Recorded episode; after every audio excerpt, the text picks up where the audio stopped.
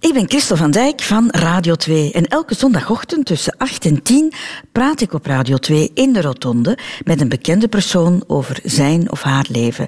En dit is de podcast van dit gesprek.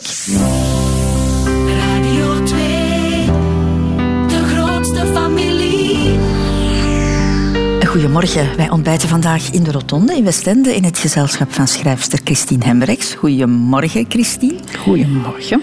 Was de zee een troef om ja te zeggen toen je de vraag kreeg om naar hier te komen? Ja, ik denk dat je bergenmensen hebt en zeemensen. En ik ben absoluut een zeemens. Ja. Komt ook in jouw boeken voor, de zee, regelmatig? Ah, daar heb ik echt nog niet bij stilgestaan. Ah ja, ja, ik weet ja, ja, dat komt wel. In Wit Zand, maar dat is een roman van lang geleden. Maar daar is een personage dat altijd naar het water wil, naar de zee wil. Het En in de gedichten van Weile jouw Ja. man, Herman de Koning, kwam ook de zee heel vaak terug.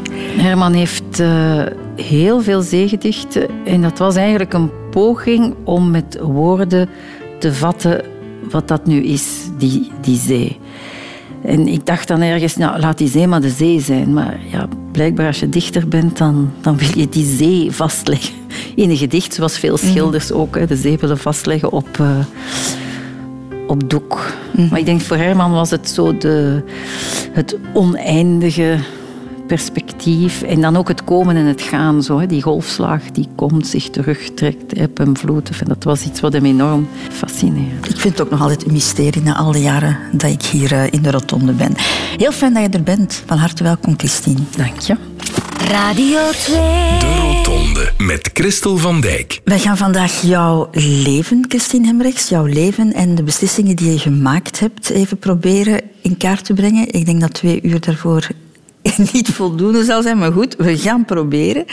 Hoe fijn vind jij het om terug te keren naar het verleden, om terug te kijken? Eigenlijk eh, heb ik een beetje de houding van laat het verleden maar het verleden zijn. Ik denk toch dat ik iemand ben, probeer te zijn, die heel erg in, in het nu, in de situatie nu zit. Dat het niet altijd zinvol is om na te denken over, over dingen die, die vroeger zijn gebeurd. Ja, het verleden is het verleden. Dus eigenlijk, ik heb heel, heel erg het besef van elke nieuwe dag is het begin, en dat is zo'n uitspraak, het begin van je leven. En, en ik denk ook vaak voor mensen die in de problemen zijn geraakt, die iets verkeerd hebben gedaan, dat wat je hen kan meegeven is, eh, kijk, dat is nu gebeurd, dat kun je niet meer veranderen, maar wat je wel in de handen hebt, is hoe ga je het nu in, in, in de toekomst doen. Ik heb dat zelfs al aan mijn kleindochter gezegd als ze iets verkeerd deed. Van ja, schatje, dat kun je niet meer veranderen, maar wat je wel in handen hebt, is... eh, Maar als je terugkijkt, Christine, wat, wat gevoel overheerst dan vooral? Geen idee. Ehm, wel weet ik, en dat is een heel groot cadeau, dat ik door veel mensen graag ben gezien. Ehm, in, in het gezin waar ik ben opgegroeid, om een of andere reden, dus daar waren vier andere mensen, mijn broer, mijn zus en mijn ouders. En om een of andere reden hebben die allemaal besloten dat ze mij geweldig vonden. Misschien omdat ik de jongste was. Later Eigenlijk is er dan een fase geweest dat je een beetje afzet van dat gezin. Dat je je, je eigen stem... Dat, dat je niet alleen dat gezin wil zijn, maar dat je jezelf wil zijn. Ik denk dat dat waarschijnlijk iets is waar veel mensen doorgaan. Maar ik ben dan eigenlijk achteraf, op crisismomenten, ehm, gaan beseffen wat een kracht ik eigenlijk voor de rest van mijn leven heb meegekregen uit die vanzelfsprekende liefde die ik gekregen heb als kind. En dus als ik terugkijk naar mijn kindertijd, is dat misschien hetgeen... ehm, Maar niet alleen naar jouw kindertijd. Ik bedoelde het eigenlijk op ja, die bijna 66 jaar. Hè? Daar heb ik geen idee van. Ehm, misschien wat ik denk, eh, een, een zoektocht. Eigenlijk leren hoe je moet leven, hoe je moet omgaan met mensen, met veel vallen en opstaan.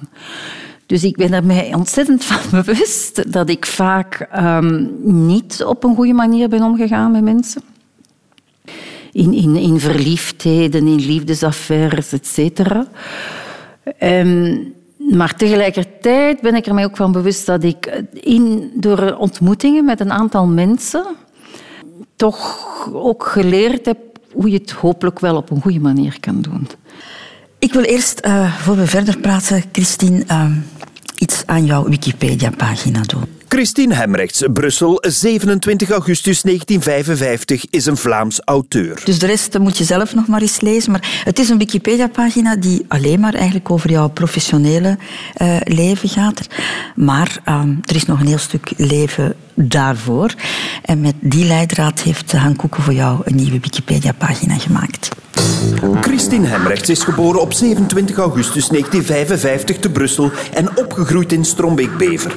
Als derde en jongste kind kreeg Christine de troetelnaam Kiki en werd ze door iedereen op handen gedragen, getuigt haar twee jaar oudere broer Herwig. Kiki was de kleinste, de jongste. Uh ja, was, was de absolute lieveling van, van iedereen feitelijk. Hè. En ze was ook wel ja, een beetje verwend, zoals elke jongste in huis feitelijk. En moeder Lilian praat nog steeds in superlatieven over haar kleine Kiki. Als ze klein kind was, was het het, het liefste kind dat er ter wereld bestond, voor mij in elk geval. En ze amuseerde zich van s morgens tot s avonds met de kinderen in de buurt. Maar broer Herwig brengt toch graag enige nuance in de lofrede van mama Lilian. Ja, in verband met wat lachenbekjes zijn mijn uh, noemde mijn vader haar ook altijd Brommetje en Brammetje feitelijk. Ze kon ook uh, ja, vlug op haar teen uh, getrapt zijn. Als wij tegen haar Brommetje of Brammetje zeggen, dan, dan gaat ze nog altijd uit haar dak. Christine, Kiki, Brommetje of Brammetje. Voor Herwig was zijn jongere zus vooral zijn soulmate en speelkameraadje. Een beetje my kid sister zo, hè. Wij, noemden ze trouwens altijd hij, hè? dus het was zo uh, een beetje mijn jongere broer in haar, in haar jeugdjaren. Ja. En hij, Christine dus, liet dan ook maar al te graag de zogezegde vrouwelijke huishoudelijke taakjes over aan haar broer Herwig. Ja, ja, ja en, en zij ontsnapte daaraan. Ik moest regelmatig de vaat doen, maar Kiki als de jongste op een of andere manier wist altijd de dans te ontspringen. Deze feministische trekjes van jongsbeen af maakten allerminst een mannenhaatster van haar, verzekert haar middelbare schoolgenote Lieve Konings. Ik had een, eh, een brommertje van mijn moeder, een uh, mobiletje zo. En daar uh, zat ze dan achterop en dan bracht ik haar naar haar liefjes, ja. Maar de vele liefjes hadden op geen enkele manier een negatieve invloed op de schoolresultaten, vult trotse mama Lilian snel aan. Ze was bijzonder goed in wiskunde, in wetenschappen. Dat was geen vak waar ze niet 90% haalde. Maar uh, ze heeft uiteindelijk gekozen voor Germaanse een gevoel voor die taal eigenlijk. En ook op de faculteit Letteren en Wijsbegeerte was Christine een haantje de voorste, weet studiegenote Mich de Meulenaar. Ik denk niet dat haar bedoeling was om uh, uit te blinken, dat denk ik niet. Maar het was gewoon zo. Zij werkte hard. Ja, plus ze is super verstandig, dus ja. Maar een saai leven leidde onze Studax zeker niet, lacht Mich. Ze zit altijd mee aan alle vuiven, op alle vuiven, alle feestjes. Dat is zeker niet een, geen muurbloempje, in ieder geval niet. Na haar studies Germaanse filologie trok Christine met de studiebeurs naar Amsterdam en volgde er colleges aan het Amsterdams Instituut voor Literatuurwetenschappen. Daar ging de echte wereld voor Christine open en daar kon het schrijverszaadje ontkiemen. De kleine Kiki was klaar om zich te ontpoppen tot een groots auteur. En the rest is history. Aan jouw gezichtsuitdrukking te zien, relativeer je toch, of uh, spreek je toch een aantal dingen tegen die hier gezegd werden? Ik kreeg een kleine hartaanval toen mijn broer zei dat ik geen huishoudelijke taken moest doen. En dat hij dat wel moest doen. En ik dacht, potverdorie. Want ik was ook altijd zo'n beetje het werkertje in huis. Uh, veel meer dan onze Herwig. Dus ik, ik heb heel veel de afwas gedaan. En ik weet nog de schoenen poetsen en tonkruid uittrekken. Dat hij niet deed. Dus ik denk van Herwig, alsjeblieft. Dus ik zal na deze uitzending toch wel even opbellen om dit uh, historische feit recht te zetten. De Rotonde. Radio 2. Radio 2. Als we naar de eerste afslag van het leven gaan, Christine Hemmerichs, dan gaan we naar de plek waar jouw wieg stond. Uh, we hebben het al gehoord, uh, de jongste in een gezin van drie kinderen. Een traditioneel burgerlijk Vlaams gezin, mag ik het zo omschrijven? De term burgerlijk vind ik problematisch, want ja, wat is dat burgerlijk? Um, maar ik denk dat het heel traditioneel een gezin was van echt na de oorlog. Dus uh, mijn ouders allebei wel die oorlog meegemaakt hebbende, zeker mijn moeder daardoor getraumatiseerd zijnde. En allebei gaan studeren in, in Leuven. waar zij allebei de eerste generatie waren die dat deden. Dus dat was eigenlijk echt een sprong. Mijn vader kwam uit een gezin waar er eigenlijk altijd boeren, boeren, boeren, boeren, boeren waren geweest. En dat de eerste keer dat iemand met die traditie breekt en naar Leuven trekt. En aan de kant van mijn moeder was dat eigenlijk hetzelfde. Dat waren geen boerenmensen. Haar, haar grootvader was, eh, was een familie van schrijnwerkers. En dus mijn moeder die een ambitieuze moeder had, die haar stuurde naar het pensionaat in Heverlee en die dan ook in Leuven gaat studeren. In die tijd, uh, 1946, toch wel uitzonderlijk voor, voor, een meisje. Ja, toen in Leuven waren er 700 meisjesstudenten voor 7000 mannelijke studenten.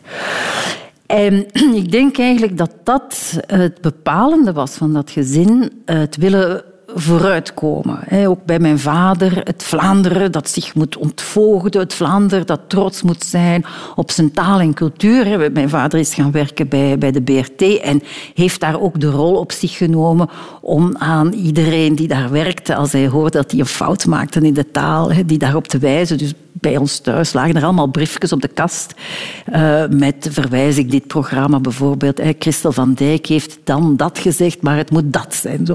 Maar dat was die gedachte, die emancipatorische gedachte. En bij mijn moeder ook, lerares Latijn door de studie.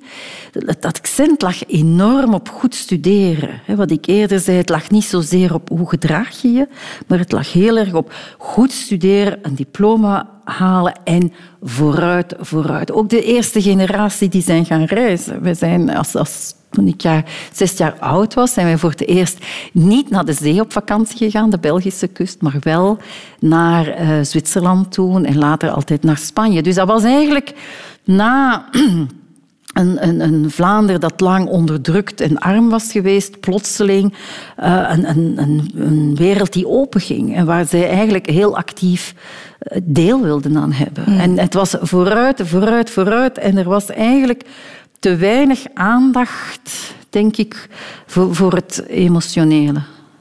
Hoe bedoel je? Wel, in die tijd daar werd zeer weinig bij, bij stilgestaan. Het, het, het, was, je moest dingen gaan doen. Uh, ik, ik, wist altijd, dat was een vanzelfsprekendheid tijd, dat ik zou naar de universiteit gaan. Dus als, dat, er was ook geen ruimte om te zeggen, ja, maar ik wil eigenlijk liever iets anders gaan doen. Ja, ik had ook niet moeten zeggen van kijk, uh, nee, ik wil eigenlijk schrijver worden. Ik ga, ik ga mij direct daarin lanceren. En voelde jij je goed in die structuur die, die voor jou vastgelegd werd? Dat, dat, is heel dubbel. Dat, dat biedt aan de ene kant biedt dat een hele grote veiligheid en een geborgenheid. En ik zie dat nu soms. Ik woon in Antwerpen, vlakbij de Joodse gemeenschap. En ik, ik observeer ook die, die dubbelheid. Dus aan de ene kant zie je dat die, die mensen leven ook in een enorme structuur waar alles vastgelegd is voor hen. En je ziet natuurlijk, dat geeft een geborgenheid en een veiligheid, maar dat geeft dus ook een, een enorme beklemming. En de grote vraag is dat je uiteindelijk niet meer weet, ja, maar wat wil ik? Wie, wie ben ik? En, en dat, dat was voor mij toch wel um, een, een, een, grote vraag. En dat je, die, die ik me op een bepaald moment ben gaan stellen. En daar heeft naar Amsterdam gaan een, een enorme rol gespeeld, omdat dat discours, dat nadenken daarover, bestond daar al wel. Mm -hmm. En daar had je veel meer... Ik kwam uit een uit een, achtergrond waar het pad voor jou eigenlijk al was uitgestippeld. Dat was wat je moest gaan doen. In die richting werd je geduwd. En daar kreeg je eigenlijk te maken met stemmen die zeiden van ja, maar misschien is dat niet jouw pad. Wel, welk pad wil jij gaan uh, bewandelen? Vragen die denk ik vandaag vanzelfsprekend zijn. -hmm. Is dat ooit in het gezin tot botsing gekomen met, met jou en, en, en jouw ouders? Omdat je wat beklemd voelde? Ik, ik denk, enfin, ik, ik weet, mijn, mijn moeder heel nadrukkelijk horen zeggen dat ik zo'n lief kind was als kind. Hè. En mijn moeder heeft, is wel, ja, uiteraard hebben zij ook dingen gelezen die ik heb geschreven, dingen gehoord die ik heb gezegd, waarbij ik mij ook nooit, ik heb nooit de behoefte gehad om mij te gaan afzetten tegen mijn ouders, want ik zie ook heel goed de rijkdom van alles wat ik heb meegekregen aan, aan liefde, aan kennis, et van hen. Maar uiteraard eh, kan ik me voorstellen dat dat raar is als dat lieve kind dan plotseling allerlei meningen en visies heeft. ehm, die zij dan ook nog eens in een publiek forum kan verwoorden. Ja? Waar, waar je niet meteen ehm, kan een soort van tegenstem geven. En ik, ik zie ook, dus als, als je ziet het beeld dat mijn broer van mij heeft, die is een ander beeld dan, ja, dan die publieke eh, Christine. Dus ik, ik weet dat mijn vader bijvoorbeeld vond het... Ik ben gescheiden. En dat is duidelijk een breuk geweest tussen mij en mijn vader. Want dat was iets wat je niet deed. Hè, gaan, gaan scheiden. Of ik heb ook ooit naakt geposeerd. En dat, dat vond hij verschrikkelijk. Dat, dat, dat deed je niet. Ja, dat zal in veel families zo zijn. Hè. Dat is nog altijd eh, de, de kiki, de, het lachenbekje. Die kiki willen zij hebben. Maar kan je ook zeggen dat je die rol hebt kunnen opnemen omdat je ook heel veel liefde gekend hebt en veel liefde gevoeld hebt? Ik heb ooit een, een boek gemaakt over een, een vrouw. Anne heet het boek. En Het was een boek over een Anne die eh, enorm gebukt ging onder anorexia. En die anorexia had duidelijk wortels in een incestverleden, et cetera. En dan heb ik zo gevoeld dat, dat het cruciale verschil tussen haar en mij was dat, dat, zij miste wat ik noem die, die potgrond. Ja? Dat basisvertrouwen, die, die liefde, die, die had zij niet. En dat is zo dramatisch, want ik zeg altijd aan mensen, als ze gaan kind krijgen, ik zeg, je moet eigenlijk maar één ding doen. Heel veel van dat kind houden. Henk is dat belangrijkste, die, die liefde die je geeft. Weet je? En, en de rest dat zal ook wel volgen, maar dat is eigenlijk, en, blijkbaar blijkt dat ook nog in die eerste levensmaanden te moeten zijn, dat je die liefde krijgt. En ik weet, toen ik geboren werd, om een of andere reden was dat het grote feest. En iedereen vond mij fantastisch. En er zijn zo foto's van mijn broer met mijn wiegen. Je ziet aan zijn gezicht dat daar zo glunderend staat. Want dat zijn zusje daar. Dat zijn cadeaus die je meekrijgt en die ja, je zelfvertrouwen voeden. Radio 2. Christine Hemrechts, we hebben het daarnet al over eh, gehad. Jouw ouders die, ja, hadden voor jou een beetje de weg uitgestippeld. Hè. Jij moest naar de universiteit, je gaat dan Germaanse filologie doen en dan ga je naar Amsterdam. Wat voor jou een, eh, een heel belangrijke periode geweest is. Hè. Voelde jij toen echt van, ik moet daar naartoe om, om los te komen van een aantal dingen? Misschien indirect wel. Ik heb al toen ik eh 15 jaar oud was, eh, moesten wij een opstel schrijven. Ik over 10 jaar. En, en iedereen in de klas had dan zo'n opstel van... ehm, dat ze gingen gezinnetje hebben en kindjes en bla bla bla. Ik weet nog dat ik toen schreef, ja, ik rij met mijn grijze auto over de grijze weg naar de grijze school met mijn grijze kinderen op de achter. Alles was grijs. Dus ik had toen al wel een idee van... alsof ik naar een soort van slachtbank zou worden geleid, wat de toekomst mij zou bieden. En ik zal wel na die tweede licentie, was het toen, eh, Germaanse, die, die kans hebben aangegrepen om toch nog een soort van uitstel te hebben. Maar dat, dat was professor Stervot, mythische professor in de tijd, Engels literatuur, die mij erop gewezen heeft van kijk, er bestaan multiculturele, nee, dat zijn bilaterale beurzen tussen Nederland en... en eh, want Erasmus had je toen nog niet. Hè. Dat was wel een eh, kans tot uitstel. Maar dat dat zulke vergaande gevolgen zou hebben, dat, dat wist ik niet. Want ik had toen ook eigenlijk, oh, en daar ben ik bijvoorbeeld niet trots op, ik was toen eigenlijk in een relatie met iemand. En dan denk ik, oh my god, Christine, wat een, wat een puinhoop maakte je toen ook van dat, dat emotionele, seksuele leven. Daar ben ik dus absoluut niet trots op. Wat bedoel je ermee dat je die, die jongen hebt, hebt, hebt laten staan om jouw vleugels uit te spreiden in, in, in Amsterdam? Ja, omdat die, ehm, die was die tijd aan zijn legerdienst in Duitsland. En die, dat was een doorgoed iemand eh, die heel veel van mij hield. En die eigenlijk echt van plan was. Hè. We gaan trouwen en dat pad. En ehm, dan ben ik naar Amsterdam gegaan. Heb daar binnen de kortste draaien ben ik een relatie begonnen met dan de, de vader van mijn kinderen. Terwijl ik eigenlijk nog in een relatie was met hem. Dus dat zijn allemaal dingen... dat- Ik ben daar niet trots op natuurlijk. En ik eh, besef wel dat dat voor die persoon wel serieus pijn zal hebben gedaan. Maar ja, ik, dat zal wel vaak gebeuren dat mensen in hun zoektocht naar wie ben ik en wat ben ik, dat, dat er collateral damage is. Hè, dat je andere mensen kwetst en, ehm, en pijn doet. Maar ik, ik zat eigenlijk in een leven dat zeer laat ik zeggen, homogeen was. Ik kende eigenlijk alleen maar mensen die ook katholiek waren, die ook dit deden, die ook dat deden. En daarom vergelijk ik dat bijna met de orthodoxe joden van vandaag. Dat je, zit, je zit daarin en dan kom je in Amsterdam en op alle vlakken besef je dat het ook helemaal anders kan. Zoals Chris de Bruyne het zingt. Hè? Amsterdam, je bent er vo- vogelvrij omdat er alles kan. Hè? Dat heb jij zo duidelijk aangevoeld. Maar het is zo snel ook gegaan, want ik herinner mij dat er dan was er een, een, een gay pride parade. Zo ongeveer de eerste tien dagen dat ik daar was. En dat was de eerste keer van mijn leven dat ik mannen zag elkaar kussen. En, en ja, dat flamboyante van die gay pride. Maar oké, ik zal wel geweten hebben dat er zoiets bestond als homoseksualiteit, maar ik was daar nooit mee geconfronteerd. En dan was er in de Milky Way, de Melkweg, was er een, een, een dag waar alleen vrouwen naartoe mochten gaan. En ik daar ook naartoe natuurlijk. Het was ook helemaal in het begin al. En dan, dan werden daar pornofilms getoond. Maar dat was eigenlijk de bedoeling om kritisch te staan tegenover die pornofilms. Maar ik had nog nooit van mijn leven pornofilms gezien. En ik vond dat heel opwindend. En ik dacht, ja, dat is niet de bedoeling. Ik moet hier boos om zijn. Maar ik vond dat ik wel opwindend. Maar dat was dus op alle gebieden ja, en, dan kun je zeggen, ja, ik was toen toch al 23. Kun je zeggen, Christine, hoe is het mogelijk dat je zo onnozel en naïef werd? Maar dus dat was ook in die tijd, werden wij veel onnozeler en naïver ook gehouden. Ja?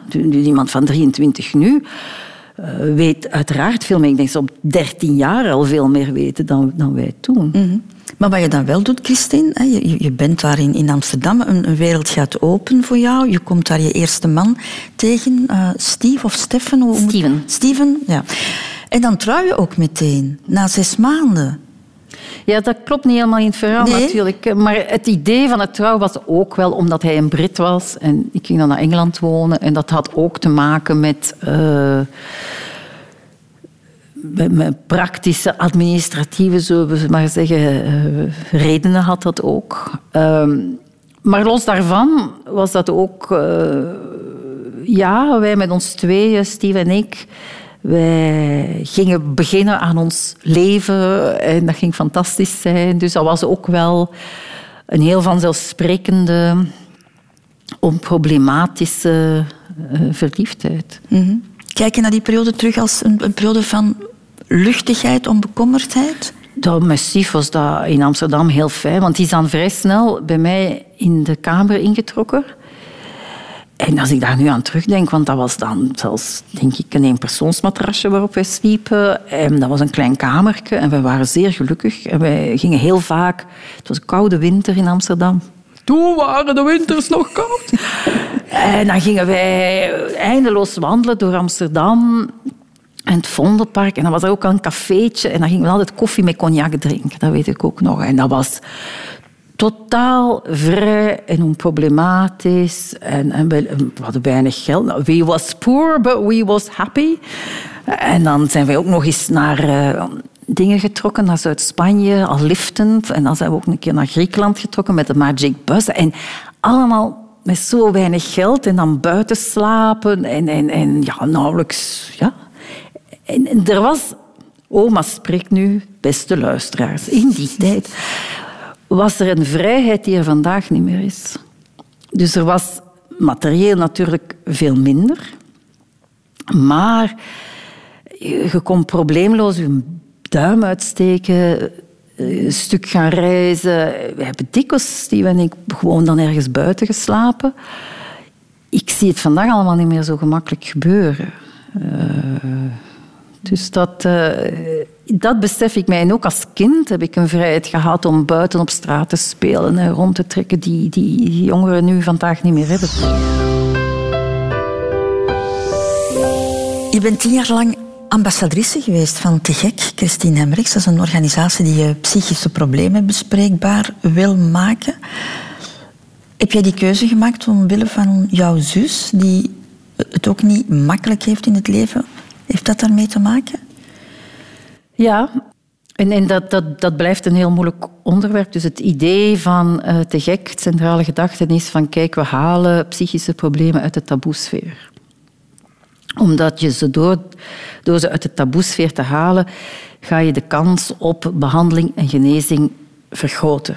Het, het domste wat je kunt doen, of het, ja, het minst productieve dat je kunt doen als er een probleem is, van dat probleem weg te, onder tapijt te steken, hè, want ja, dat probleem blijft bestaan. Dus het idee is dat er dan zowel de persoon die, die het probleem heeft, als de omgeving erover praten en eigenlijk vooral wat ik het belangrijkste vind, dat je ernaar wil luisteren. Dat is een van, een van de dingen die ik heb geleerd in het leven, dat heel veel mensen heel, heel veel dingen niet echt willen horen. En dus wat de gek uh, wil, en ik denk dat de gek daar ook al enorm in geslaagd is, is juist het idee van eh, mentale gezondheid, psychische problemen uit die taboesfeer te halen, zodanig dat de persoon die daarmee worstelt uh, makkelijker dat, daarover kan praten met de omgeving, met therapeuten, etc. Dus dat is... Wat ik mij afvraag, Christine, is... Jij hebt die stap wel moeten zetten om daarover te getuigen. Je kwam uit een gezin waar emotionele dingen niet, niet echt verwoord waren of werden. Hoe moeilijk was het voor jou om, om die stap te zetten, om daar openlijk over te praten? Nou, maar dat is eigenlijk het, tweede boek dat ik heb geschreven, dat heet uh, Brede Heupen. en Brede Heupen is opgedragen, en dus dat was voordien nog, hè, dat is gepubliceerd in 89, denk ik. En dat is opgedragen aan V. En V is uiteraard Veerle, zus. Maar je ziet, ik durfde toen nog niet te zetten de volledige naam. Dus dat was echt nog... Ik, ik heb eigenlijk toen... Ja, dat hield mij natuurlijk heel erg bezig. Een van de dingen die mij daarin enorm bezighouden... Mijn zus en ik, fysiek, lijken wij heel erg op elkaar. En eigenlijk ook qua karakter. Ik, ik, ja, je voelt wel heel erg dat die twee vrouwen uit dezelfde mal komen. En, en, in veel opzichten, ik ben als kind, waren wij altijd samen. Je ging naar dezelfde school, dezelfde jeugdbeweging, de turnclub, alles, alles uh, was samen. En dat is toch voor mij enorm traumatiserend geweest. Natuurlijk veel meer nog voor haar, dat zij op een bepaald moment verdwijnt in die psychiatrie. En dat is heel eigenaardig. Uh, ja, ja, je zus is nu in de psychiatrie en leeft jij maar verder. En ik was toen op dat moment trouwens in, in Amsterdam. En uh, dat is iets, uh, ik zou nu gemakkelijk beginnen huilen, wat ik tot op de dag van vandaag niet, niet begrijp. Hoe, hoe, hoe kan het dat iemand die, die zo gelijkend is op jou, die zo close is bij jou, dat die daarin verdwijnt en dat jij, dat jij wel leeft, dat jij aan deze kant, hè, voor mij is dat zo die scheidingslijn, die kant en die kant. Ik ben aan die kant en zij is aan die kant en ik heb haar nooit kunnen terugtrekken naar deze kant. En in dat boek, Brede Heupen, is er dan het verhaal, dan, dan ze Laura en Elsa. Dat is dan gefictionaliseerd, hè, want de vader is dan zogezegd dood, om dat niet te herkennen te maken. En die Elsa zit dan, is dan de gezonde, zogezegd, hè, buiten de psychiatrie. En die heeft dus het idee dat nu zit mijn zus zes maanden in de psychiatrie en, dan, en ik niet. En dan gaan we wisselen. Zo, kent je zo het, het hokje van het regenmanneke en het, regen, en zonnevrouwtje. Hè. Dus dat was mijn, mijn idee heel lang. Oké, ze hebben ons veren opgepakt en in die psychiatrie gezet. En dus eigenlijk kunnen ze ook op elk moment mij oppakken en in die psychiatrie zetten. En nu denk ik, ja, ik ben nu 65, dan gaan ze niet meer investeren om, uh, om dat te doen. Met mij. Maar ik denk dat mensen die dat niet meemaken, zowel als familielid als, als degene die getroffen wordt door psychische problemen, dat, een van de dingen die ik heb geleerd is dat je eigenlijk helaas je niet kunt beginnen voor te stellen wat dat betekent. Wat dat doet in een gezin. En het ergste is uiteraard voor mijn moeder. Mijn moeder heeft daar ook heel veel pijn van. Zij zit daar enorm mee. Mama, als je luistert, je hoeft dat niet mee te zitten. Ja, dat je, dat je, dat, dat je weet, Velen heeft het heel moeilijk. Ze heeft veel pijn, ze heeft veel last van paranoia, ze heeft heel veel onrust. En je, je zou haar willen kunnen helpen. En je kunt het niet. Had je als kind al door van er, er klopt hier iets niet?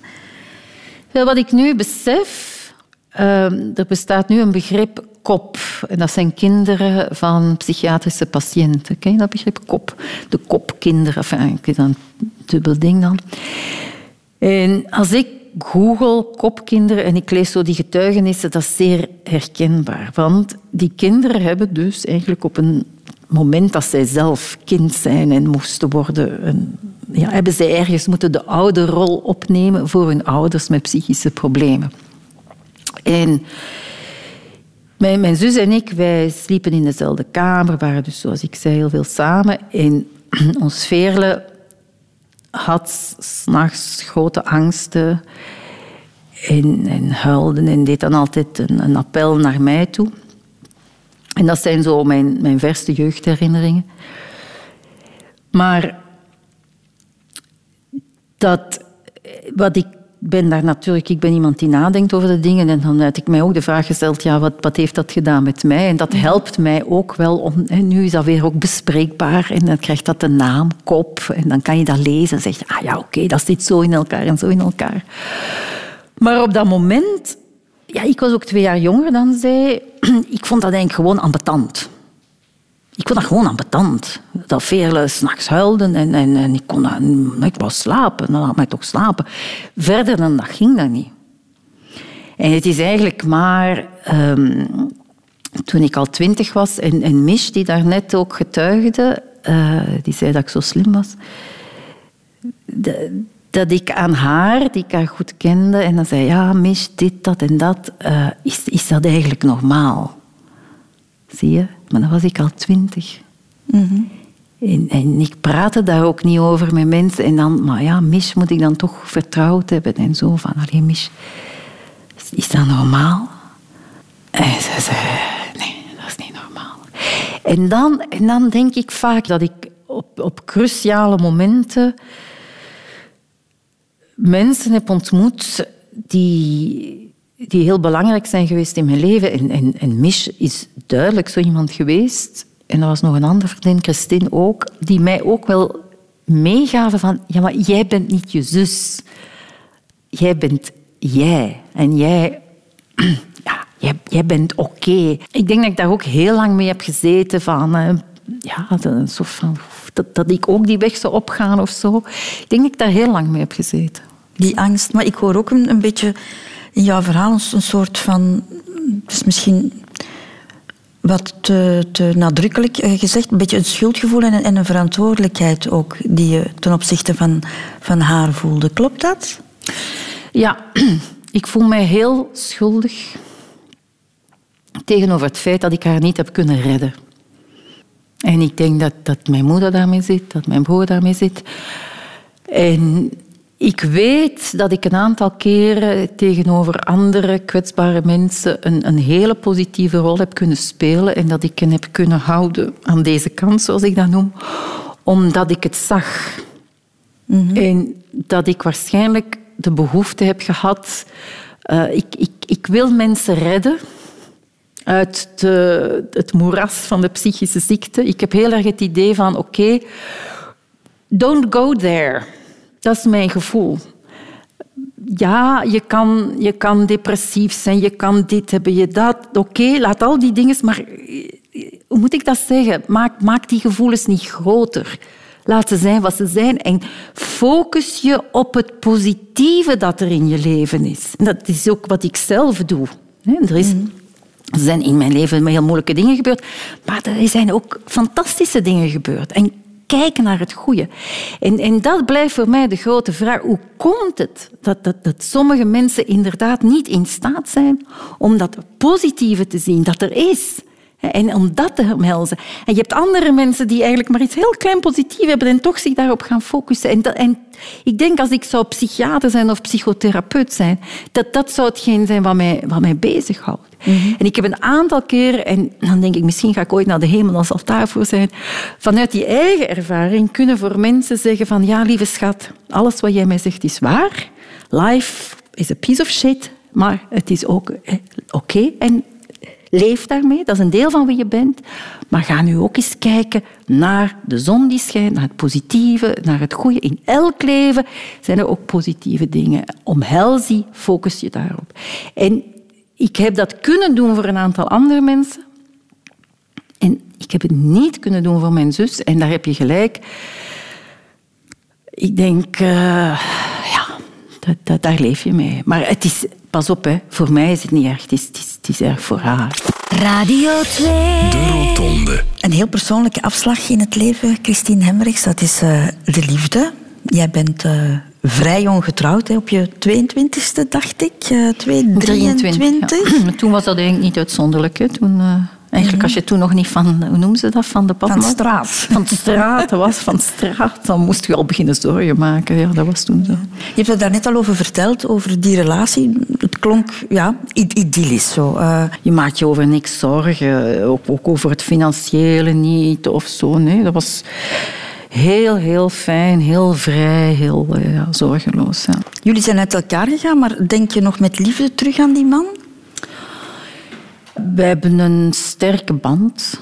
Eh, ja, we zijn eigenlijk eh, met vallen en opstaan altijd blijven contact houden. We zien elkaar nog altijd eh, regelmatig. Dat we samen gaan eten. Of dat nu met corona komt, hij bij mij thuis eten. Ehm, bellen af en toe. We hebben nu ook samen kleinkinderen. Hè? Ah ja, van de, van de dochter. Ja, dat was eigenlijk ook toen onze eerste kleindochter geboren was. Zijn we samen gaan... En zij, zij heet Clara. En je hebt een restaurant in Brussel, Chez Clara. En dan zijn Steve en ik samen gaan eten in Chez Clara. En wij als onnozele grootouders, kerstverse grootouders, aan, iedereen daar, ja, ja. En eh, wij zijn hier omwille van onze kleindochter. Ja, zo, dat je dat echt wilde delen. Dus dat is iets bijzonders, dat eigenlijk als je samen kinderen hebt, kan je niet echt van elkaar weggaan. Hè? En ja, ik denk ook bij ons eh, dat er een grote solidariteit is door, door wat we samen hebben meegemaakt. En we hebben dus ehm, de, de dood van de kinderen en hoe je daarmee omgaat, dat, dat, we zijn er niet in geslaagd om dat samen op een goede manier te doen. Even misschien, dus jouw twee zoontjes, of jullie twee zoontjes. eh, Dus eigenlijk is het zo dat wij een, een, een- ons eerste kind hebben gemaakt, Catherine. Eh, toen we net terug waren uit Zuid-Amerika, eh, die is gemaakt in mijn slaapkamer van vroeger thuis, want wij hadden geen eigen huis. Ehm, die, ik, we hadden geen werk, we hadden niks. Maar we maken een kind. Hallee, totaal onverantwoord.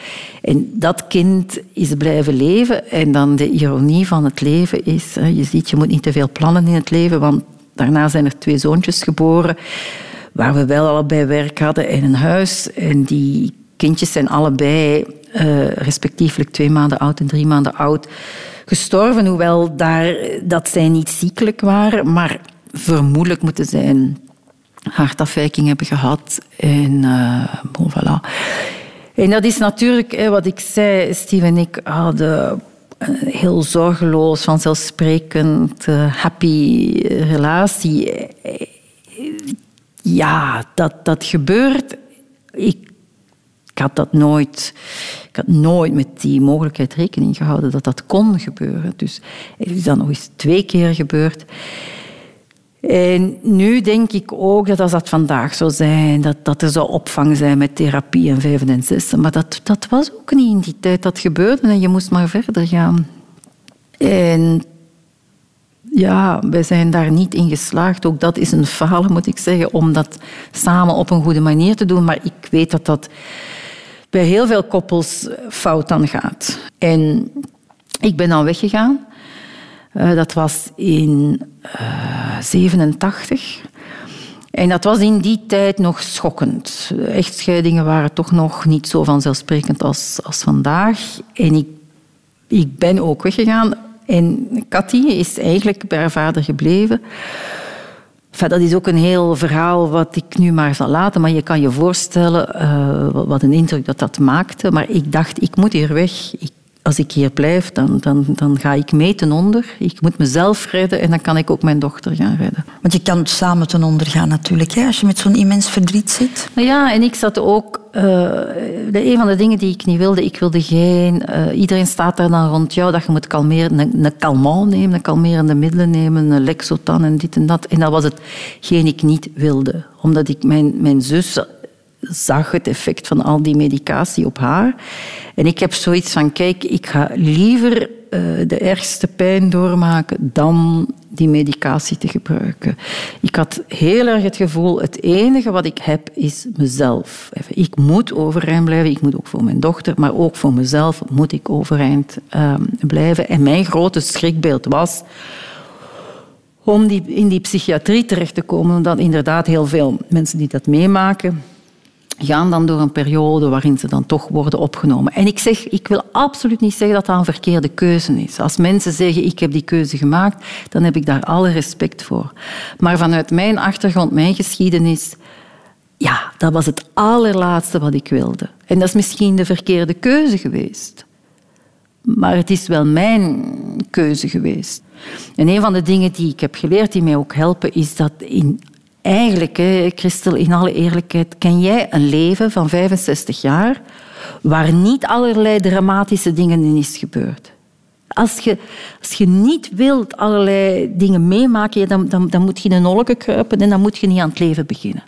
Je, je kunt niet door het leven gaan zonder blutsen. En oké, de ene mens krijgt meer blutsen dan de andere, maar uiteindelijk krijgt iedereen blutsen. En daarvan denk ik ook, meer en meer, we zouden dat heel goed moeten beseffen, dat we allemaal blutsen krijgen en daarom zouden we allemaal een beetje zachter en liever en zorgender voor elkaar moeten zijn. Ik wil nog eens even terugkomen over, het feit, of op het feit dat je dan weggegaan bent, dat, je, dat jouw dochter bij, jou, hè, bij, de, bij de papa gebleven is. Hoe reageerden mensen daarop? Heel slecht. Ça ne se fait pas. Ja, een moeder die... Een moeder. Een, moeder. En nou ja, het enige dat haar interesseert is haar schrijven. Hè. Ze is zo ambitieus en ze wil gaan schrijven. En daarom dumpt ze alle mogelijke dingen. Maar... Dat moet je aanvaarden in het leven. Hè. Dat, uh, dat, dat mensen allerlei dingen over je denken. En ik heb dan gedacht, laat ze maar denken. Ik zal wel bewijzen dat ik een goede moeder ben. En ik ben dan en, en had het daar... Cathy was in die periode boos. En toen heb ik gepraat met de vrouw van Henny Vrienden destijds, Charlotte, Charlotte Fischer. En die deed de layout van het NWT. NWT was het tijdschrift van Herman de Koning. En uh, zo kende ik haar en ik vertelde haar over ja, dat Cathy toch boos was. Dan was Cathy zes, zeven jaar. En Charlotte zei tegen mij, maar natuurlijk is ze boos op jou.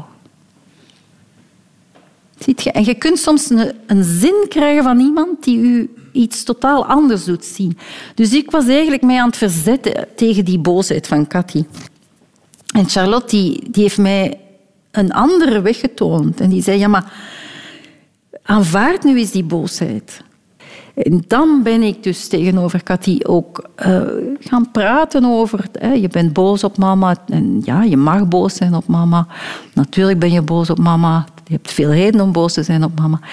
En door die, die boosheid een, een plek te geven, een, een, naam te geven, het laten bestaan, werd die, die boosheid ook veel kleiner. En hebben wij wel een hele goede band. Dus ik, Charlotte Fischer, dank je, dank je, dank je. En dat is voor mij een belangrijke sleutel, dat we ook in... Weet je, er bestaat zo'n beeld van het ouderschap en dat moet perfect zijn. En, en, en ouders en kinderen moeten ongelooflijk van elkaar houden. En ik denk, en ook man en vrouw en, en, en partners, man, man, vrouw, vrouw.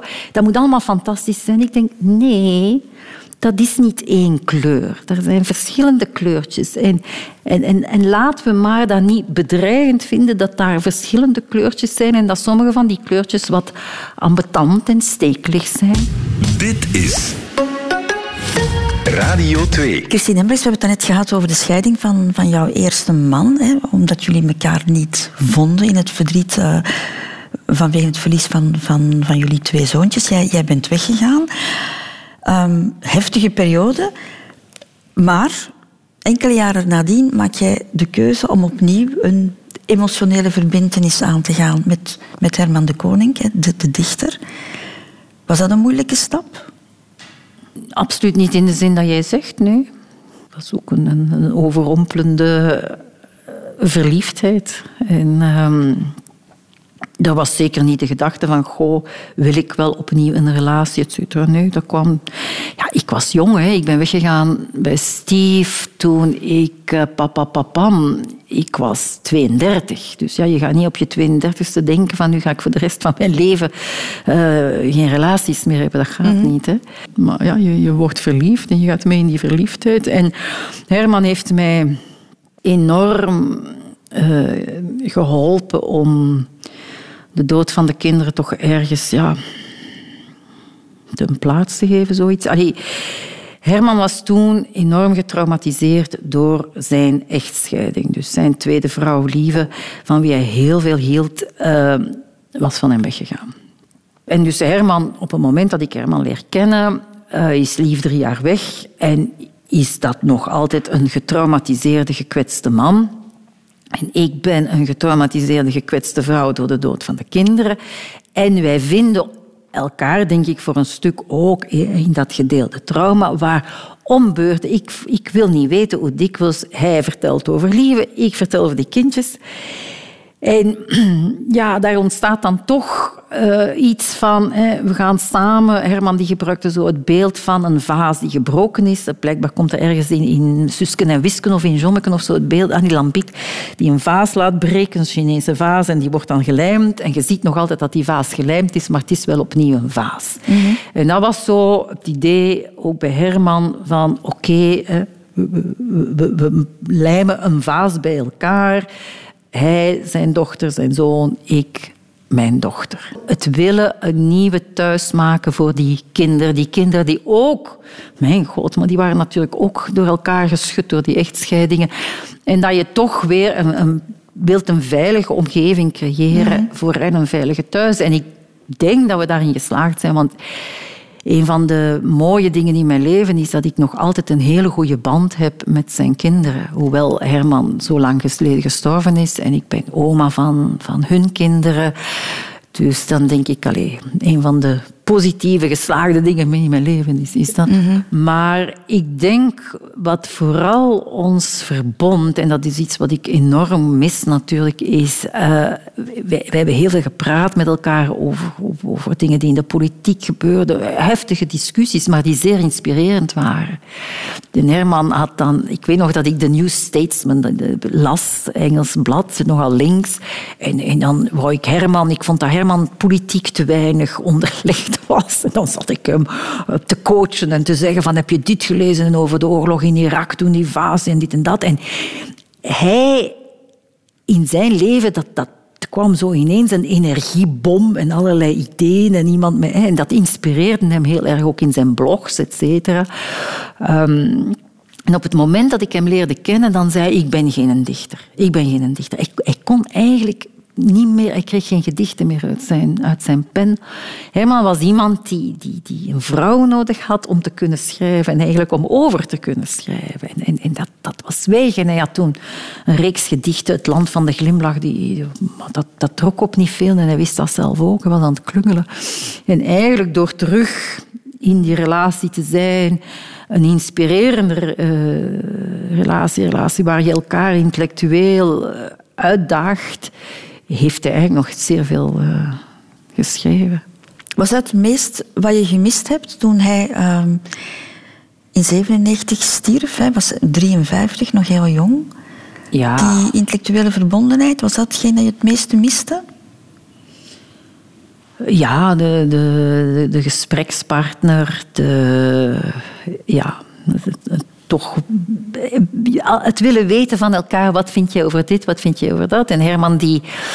Um, als hij dan iets schreef, s'nachts dan, maar als ik dan opstond, dan, dan, lag dat op de ontbijttafel. Dan, wilde hij mijn reactie weten. En, uh, ik heb daar ook ontzettend veel van geleerd, hè, want je leert kijken naar teksten. Hij had dan uh, gedichten die hij schreef, dan, dan ik zo met een neer van ja, dat is goed en dat is minder goed. Als ik nu denk van, hmm, hoe durfde ik? Maar hij, hij, was blij van die, van die reactie te krijgen en hij las ook uh, mijn dingen. Dus dat was uh, zeer rijk. En, en achteraf heb ik gedacht, ik, ik, ik, ik heb die man te weinig nu besef ik ook als ik zijn gedichten lees van, van, van, van een, wat een wijsheid, wat een rijkdom. Maar als je met iemand concreet leeft, je leeft met de mens, je leeft natuurlijk niet met de dichter. Dus je, je, je, je beseft dat eigenlijk te weinig en tegelijkertijd besefte ik het wel. En ik, ik geloof, nog een van de dingen waarvoor ik naar de hemel zal gaan, is dat ik... Ik heb Herman eigenlijk, want Herman kreeg ook, mensen vergeten dat, maar Herman kreeg veel tegenwind ook. Dat zijn uh, poëzie te gemakkelijk was, dat het uh, voor verliefde adolescenten was, dat het vol met woordspelingen stond, et cetera. Ik, kreeg tegenwind en hij zag daar enorm van af. En ik zei hem ongeveer iedere dag, Herman, eh, je hebt fantastisch talent. En ik zei altijd, na je dood. En dat is ook een die voorspelling is uitgekomen, want sinds hij gestorven is, uh, ja, is, er, is er soms bijna een heiligverklaring van Herman, waarvan ik dan denk van, zeg, zo fantastisch was hij, begrijpt je? Mm. Uh, maar dus zijn, zijn werk heeft, vindt nog altijd heel veel lezers. Ik krijg regelmatig uh, aanvragen van, via de uitgeverij, mag dit of dat worden overgenomen?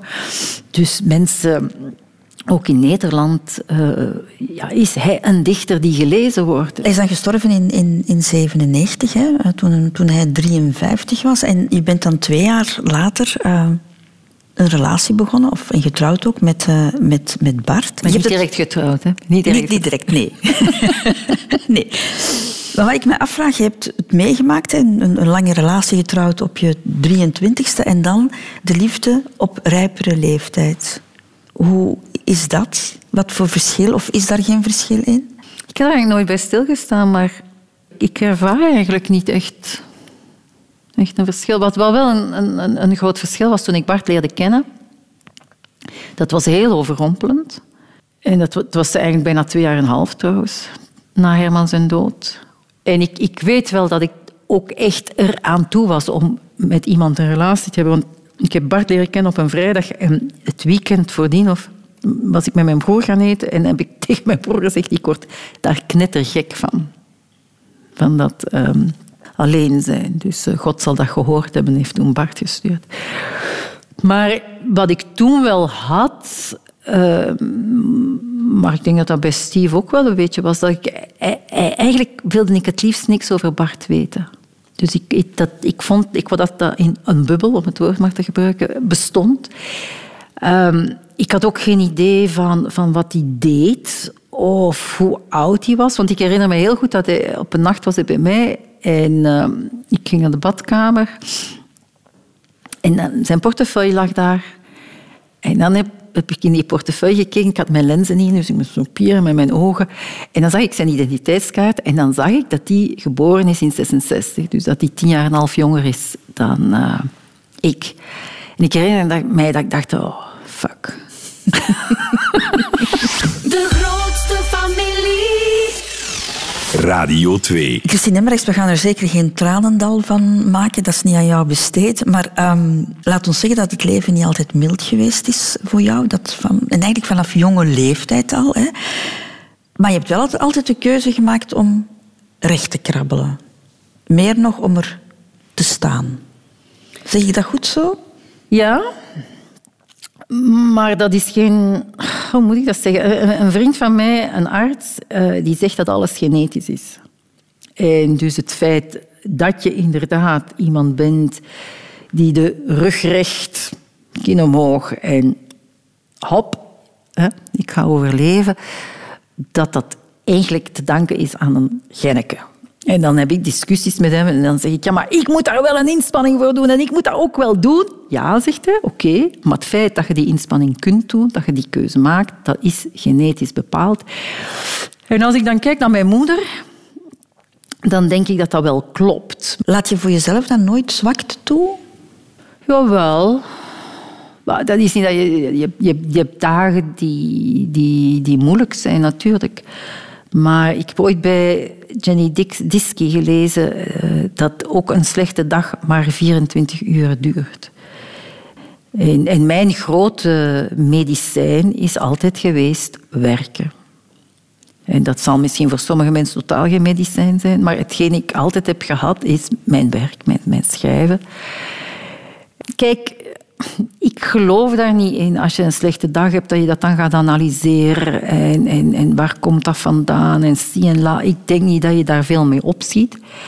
Ik denk dat je meer mee opziet van laat die dag voorbij gaan. En ik ga proberen, ook, ook nu met heel die coronatoestand, is, is mijn manier van daarmee om te gaan, is ook bezig blijven. Schrijven is altijd een soort troost voor jou geweest. Of, of misschien Nou, een vlucht. Een troost. vlucht, een vlucht ook. Dat kan misschien wel een vlucht zijn, maar het is ook een, een, een, een houvast. En ehm, het is iets wat eh, mijn, mijn, mijn aandacht, mijn concentratie, mijn energie gaat daar enorm naartoe. Want ik heb intussen ook wel heel veel geschreven. En het is toch ergens een, een, bijna een alternatieve werkelijkheid. Dat klinkt een beetje Trumpiaans, met alternative facts. Hè. Maar het is een, een andere wereld die je creëert die er bestaat en die dan misschien ook wel maakt dat dan de, de echte wereld eh, voor een stuk gerelativeerd wordt.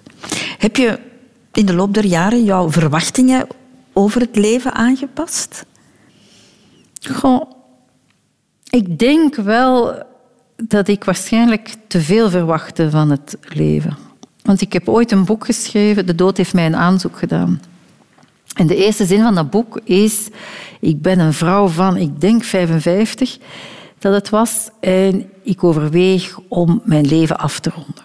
En ik had toen wel heel sterke zelfmoordgedachten. en, en er kwam altijd die behoefte op om daarover te schrijven. En dan dacht ik, maar nee, Christine, dat kan je niet maken. Eh, er is zoveel goeds in je leven en, en jij gaat dan nog eens... Maar op een bepaald moment, dat bleef zich aan mij opdringen. En dan heb ik die zin neergeschreven. En dan heb ik negen maanden lang een soort van dagboek bijgehouden. En dat ging over die doodsverlangen, maar ook levensdrift. Dat ging over alles, ook veel over, als ik iets las over euthanasie, abortus, enfin, alles dat daarmee te maken heeft. Op een bepaald moment heeft dat dagboek mij wel het inzicht bijgebracht dat ik eigenlijk te veel verwachtte van het leven en dat ik eigenlijk te weinig oog had voor al het goede dat er was. En dat ik... eh, ja, dat je uiteindelijk het enige wat je met eh, negatieve dingen en tegenslagen kunt doen, is, is die aanvaarden. Dat heeft totaal geen zin, hè, dat je dat moet aanvaarden. Dat je moet cut your losses, count your blessings. Zie, zie het goede. Hè. Ja, tel Dwing- je dwing jezelf om het goede te zien. En ja, ik denk wel dat er nog altijd in mij een soort van kind leeft dat ergens hoopt dat er van andere mensen meer zal komen, et cetera. En, en ja, dat moet je dus leren aanvaarden, dat die... Is misschien ook in een stuk... eh, Bijvoorbeeld in het praten over de liefde. Dat een van de dingen die mij heel erg bezighouden, denk ik. Dat men mensen te, te hoge verwachtingen geeft. Ook over het ouderschap, over heel veel dingen. Dat men mensen daar te veel van laat verwachten, zodanig dat je bijna fataal ontgoocheld bent. Naarmate je ouder wordt, wordt het denk ik, het leven gemakkelijker, omdat je natuurlijk een soort van levenswijsheid en levenservaringen opdoet. En ik kan nu met heel veel overtuiging zeggen van je moet het goede zien, eh, focus op het goede. Maar ja, je, el- elke mens moet dat proces zelf gaan doormaken. Hij moet zelf gaan inzien van uiteindelijk moet ik aanvaarden dat gebeurd is wat gebeurd is. Ik, nu zie ik dat, ik zeg altijd, ah ja, dat is mijn karma. Want ik heb dan ook borstkanker gehad en dacht ik, ah ja, maar dat is mijn karma, denk ik. Dan denk ik, ergens hebben ze dat gezegd van, ah, voilà, Christine, dat is jouw pad en dat moet jij aanvaarden. En dat helpt wel, als je zegt, want eh, als je daar gaat tegen verzetten en tegen vechten, ja, daar, daar, je kunt toch de dingen niet veranderen. Wat is het goede in jouw leven nu, Christine? Want je zegt, eh, tel je zegeningen. Wat zijn jouw zegeningen nu? Oh, veel. Veel. De rest, nu moet ik oppassen wat ik eerst zeg. eh, de liefde of mijn werk. Dat, is een tricky one. Hè? Maar in alle eerlijkheid, ik ben ontzettend blij dat ik op mijn gezegende leeftijd eh, nog altijd heel veel inspiratie heb. Dat ik kan helemaal opgaan in mijn werk, eh, in het maken van teksten. Dat, dat ik ook een uitgever heb, dat ik iemand heb die mij wil uitgeven. eh, dat ik lezers heb. Dat is, dat is voor mij een, gigantisch cadeau, omdat dat ook maakt dat mijn leven interessant is en boeiend. En, dat zijn, en je krijgt als schrijver ook opdrachten. Nu, gisteren was er een opdracht, er komt een nieuwe Bijbelvertaling en of ik een essay wil schrijven over de Bijbel. Dan denk ik, ah, oké, dus maar dat, dat, dat prikkelt, la masse grise ici, hè, je moet bezig blijven. Dus dat vind ik ontzettend fijn. Dus eerst het werk en dan de Ik liefde. vrees dat ik eerst het werk zet, ja. En dat is shocking, hè? want dat, dat mag ik niet doen. Maar los daarvan, eh, ik heb een, een sterke band met veel mensen. En dat is uiteraard... Wat is daar de eerste plaats? Kijk, dat is heel moeilijk. Kijk, daar, wat, wat zet je daar dan eerst? Zet je je kinderen, je kleinkinderen? Och, ik ben ook een oma die die zo, zo blij is met die kleinkinderen. En, en wat daar zo raar aan is, die, die zien mij graag. Ik heb daar niks voor gedaan. Dat zijn van die kleine wezens. En, en, en je komt en zegt, oh, oma is daar. En, die, die, krijgt daar zo liefde in je schoot gegooid. En, en er is ook een band, heel raar. Een, een, in het Frans zeggen ze een connivence, een, een verstandhouding tussen de, de oma en de kleinkinderen. En, en de moeder staat daar dan een beetje zo buiten, of de vader. Die, zijn, die, die, die moeders en die vaders die zijn die kinderen aan het opvoeden. Dat je af en toe denkt, oh jongens, jongens. Ik denk af en dat ik zo streng was geweest met jou. Maar, en dat trekt dan samen in de. Dus dat, dat is iets heerlijks. Hè. Dus ik ben nu ook wel de, de enthousiaste oma natuurlijk. Maar ik heb een hele goede band en met mijn dochter en met mijn stiefkinderen. Ik heb een heel sterke band met Bart. Ik heb met een aantal mensen met wie ik vaak samen wandel, heb ik een goede band. Dus dat, dat, zijn, ja, dat zijn dingen die ik enorm koester.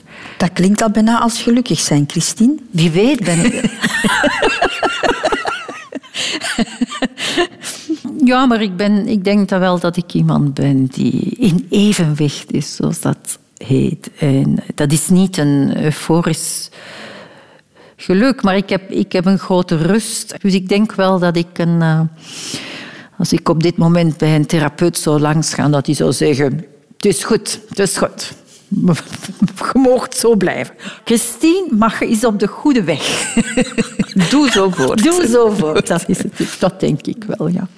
Maar wie weet wat er morgen gebeurt, hè, dat weten we niet. Je wordt dit jaar 66, Christine Hemmerichs.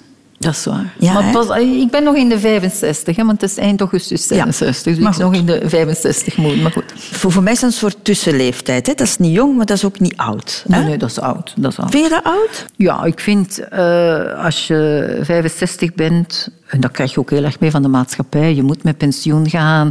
Eh, In heel het corona-verhaal is het altijd de 65-plussers en de 65-plussers en de 65-plussers. Dus je ontsnapt daar niet aan dat je eigenlijk officieel oud bent. En hoe ga je daarmee om? Ik heb daar eigenlijk zeer weinig problemen mee. Ik ben zeker niet de vrouw die, ehm, die zal gaan liegen over haar leeftijd of die zich als, als jonger zal willen voordoen dan ze is.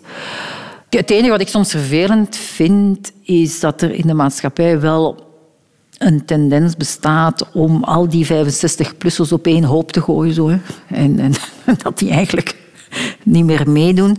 Terwijl er daar, ik, ken heel veel 65-plussers en ik kan je dus zeggen dat er nog zeer veel mensen bij zijn die actief zijn, die, waarvan de, hersenmassa nog goed werkt, die ideeën hebben, et.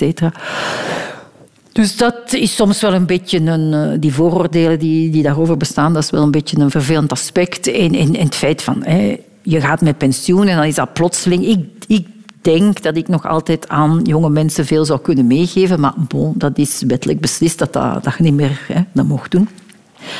Maar tegelijkertijd vind ik ook dat we in een tijd leven waarin heel veel oudere mensen toch ook wel veel ruimte krijgen om op allerlei manieren actief te zijn. hè. Dus eh, het is niet dat ze nu zeggen, nu moet jij aan een, in een rusthuis aan een raam gaan zitten. Dat is het ook niet. Dus je aanvaardt het. Ik zie ook niet in waarom ik dat niet zou aanvaarden. Ik bedoel, en ik zeg altijd, het ergste wat mij zou kunnen overkomen is niet dood te gaan. Eh, stel je voor dat je blijft leven. Ik, ik, ik denk dat het een verkeerd is dat wij de dood zien als de grote vijand. De, de, de dood is een integraal deel van het leven. Probeer het eens om te draaien. Niet die enorme angst daarvoor te hebben, maar, maar misschien zelfs bijna een uitkijken naar wat zal het zijn, hoe zal het, hoe zal het zijn. Ben je daar benieuwd naar? Verwacht je daar nog iets van? Ja, ik, ik zie dat ook wel ergens als een, als een moment van, van bevrijding, van, van overgave. Kijk, dat klinkt nu allemaal heel diep, maar wij, wij, mensen zijn uiteindelijk, wat zijn we? Wij zijn niks. We zijn zo nietig. En, en, maar we maken onszelf heel belangrijk om te kunnen leven. En, en in, in de dood is de confrontatie met je nietigheid, met je niksigheid. Dat je, ja, ja, en, en daaraan je overgeven, denk ik, dat dat... En verwacht je dat er nog iets komt na dit? Eh, ik ben ervan overtuigd dat het leven eindigt met de dood. Eh, ik ken heel veel mensen die ervan overtuigd zijn dat, dat er op een of andere manier die energie die je was, eh, dat, hè, dus de materie houdt op te bestaan, maar die energie wel, blijft wel bestaan. En dan denk ik, ja, misschien is dat waar, maar dat er zo nog ergens een Christine Hemmerichs in een ander universum zou verder leven, dat lijkt me complete onzin. Maar het kan wel zijn dat wanneer deze materie afsterft, dat er dan de energie vrijkomt en dat die energie in, een vogelke gaat of in... Dat kan ik mij ergens van voorstellen, maar daar, daar is geen bewustzijn Zo, het idee dat er... En veel mensen zeggen dan... Wij zeggen ook vaak dat Herman, Herman de Koning, dat hij op zijn wolk naar ons kijkt. Maar we weten natuurlijk heel goed dat Herman daar niet... Allee, Maar je bent wel naar Lourdes geweest, samen met jouw dochter. Waarom heb je die reis ondernomen? Maar ik ben wel iemand die. ehm, ik vind heel mooi die, de plek. Wat ik heel mooi vind, is dat mensen de noodzaak toch voelen om ergens, eh, wat ze in het Engels zeggen, to worship. Hè? Aanbieden? To worship is, ja, to worship is eigenlijk voor mij wat je doet als je naar een heiligdom gaat, of dat nu binnen het boeddhisme is, of het hindoeïsme, of wat dan ook, is eigenlijk een erkenning van ik ben maar een kleine nietige mens. Ik, ik ben eigenlijk niks. Hè? En, en ik erken dat er iets groter is dan mezelf. En dat vind ik een hele mooie gedachte. Wat dat, en dat groter, ja, wat dat dan is, noemt dat dan energie, noemt dat God, noemt dat, dat vind ik, maar dat vind ik heel mooi, die gedachte van... En dat zijn ook plekken waar je dat heel erg voelt. Je hebt er een soort energie gevoeld. dat was toen in Lourdes, dat was heel vreemd. Kat en ik zijn daar naartoe gegaan. En je gaat dan naar die, dat, dat domein. Hè, en op een bepaald moment konden wij bijna niet meer naar elkaar kijken, omdat we zo geëmotioneerd waren. En dan keken we naar elkaar en zijn wij beginnen huilen, huilen, huilen. Omdat we allebei enorm voelden die kracht van al die mensen die daar zijn, met dezelfde ingesteldheid. Maar in zekere zin praat ik daar niet zo graag over, omdat, voor veel, omdat je dat heel gemakkelijk belachelijk maakt. En ik zal in alle eerlijkheid zeggen dat ik in mijn leven daar wel heel veel aan heb, aan het gevoel van een verbondenheid met iets dat mij het menselijke overstijgt. Dat geeft mij een hele grote kracht. Dat heeft mij een grote kracht gegeven in de tijd dat ik borstkanker had. Want had ik in het begin had ik een enorme angst. En toen, toen voelde ik die verbondenheid met wat je dan God kan noemen. En ik voelde mij, ik dacht, oké, ik geef mij daaraan over. Ik, ik leg mij in uw handen. En ik was ook niet meer bang. En voor mij, omdat je daarnet zei tegen mij, ja, ik denk dat jij gelukkig bent. En ik ga nu heel eerlijk zijn, ik denk dat je alleen kan gelukkig zijn als je dat voelt. Ik denk dat als je alleen het gaat maar zoeken in het materiële of in een relatie met iemand, et cetera, een mens, dat het, dat het altijd zal tekortschieten. Dat het altijd zal beperkt zijn. En dat je eigenlijk maar door het voelen van die verbondenheid met de mensheid, met een grote kracht, daar voor mij ligt de echte bevrijding van de mens. Dat je ook een liefde voelt die dat allemaal overstijgt. Maar ik vind het, ik vertel het je nu omdat je er naar vraagt en tegelijkertijd denk ik van oeps, men kan dit zo gemakkelijk belachelijk maken. Maar als je daarover praat met mensen die dat ook voelen, dan is dat voor hen ook wel een vanzelfsprekendheid. Maar als je dat niet voelt, ja, dan denk je, wat zit die Christine daar allemaal van onnozelheid te zeggen? Dus ik wil dat wel zeggen, om, omdat je daar misschien andere mensen mee kunt helpen, om die op dat pad te zetten. Wat niet het pad is van ga nu naar de mis en ga nu naar dit. Nee, maar sta jezelf toe om, om dat te voelen. Om eigenlijk is het jezelf, je eigen kleinheid te overstijgen. Mhm. Er wordt nu vandaag zoveel belang gehecht aan ik dit, ik dat. Ik denk niet dat dat de weg naar het geluk is. Zullen we ook nog eens even een blik werpen op de afslag toekomst? Ik wil eigenlijk, eigenlijk verder gaan zoals ik bezig ben. En dus ehm, in dat opzicht kijk ik ook wel heel erg uit naar het einde van corona, omdat ik regelmatig op reis ging en ook wel dingen schreef, reisreportages maakte. Dus dat is allemaal, ja, kan niet meer. Dus dat is iets... Ik vind het prettig om af en toe rond te wandelen in een ander deel van de wereld en daar een beetje gaan snuffelen en kijken mensen daar leven. Dus dat, dat hoop ik opnieuw te kunnen doen. En ik hoop dat eh, mijn, mijn hersenen goed blijven werken en dat ik kan blijven schrijven. En eigenlijk, wat ik het belangrijkste wat ik hoop, is dat de wetgeving over euthanasie verandert. En dat men op een bepaald moment zegt van oké, wij aanvaarden nu dat mensen van 75 plus, dat die kunnen zeggen ik beschouw mijn leven als voltooid. En ik wil eigenlijk op een rustige manier dat leven afronden. Dus dat is eigenlijk, als ik zou iets zeggen wat ik hoop, hè, dat ik op een bepaald moment het recht heb om te zeggen van kijk, het is welkens geweest en eh, ik ga nu liggen, geef mij een prik en ik ben weg. Dat is, zo, dat is mijn toekomstperspectief. Ja, maar ja, dat zou toch fantastisch zijn, nee? Daar moet ik dus mee eindigen. Met de prik. Ja, maar ik bedoel, wat, wat- lieve Christel, wat is, wat is het toekomstperspectief? Ik ben 65, ja, wat is de volgende halte dat je doodgaat?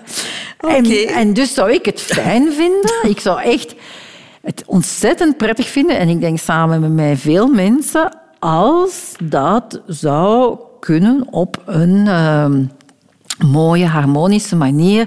Dat je op een bepaald moment zegt, het is goed geweest, ik heb alles meegemaakt. Van nu af kan het eigenlijk alleen maar af, bergafwaarts gaan.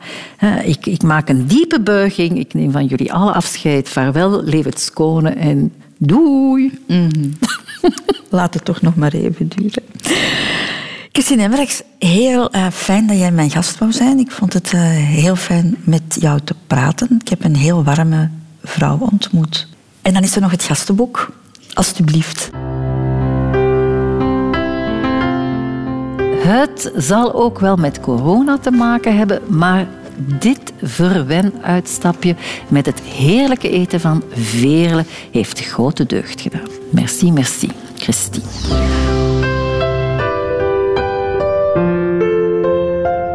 Radio 2. Heb je genoten van dit gesprek? Wel, beluister dan zeker ook de andere afleveringen van de Rotonde. En nog meer podcasts van Radio 2? Ook de rechtvaardige rechters vind je in je podcast-app.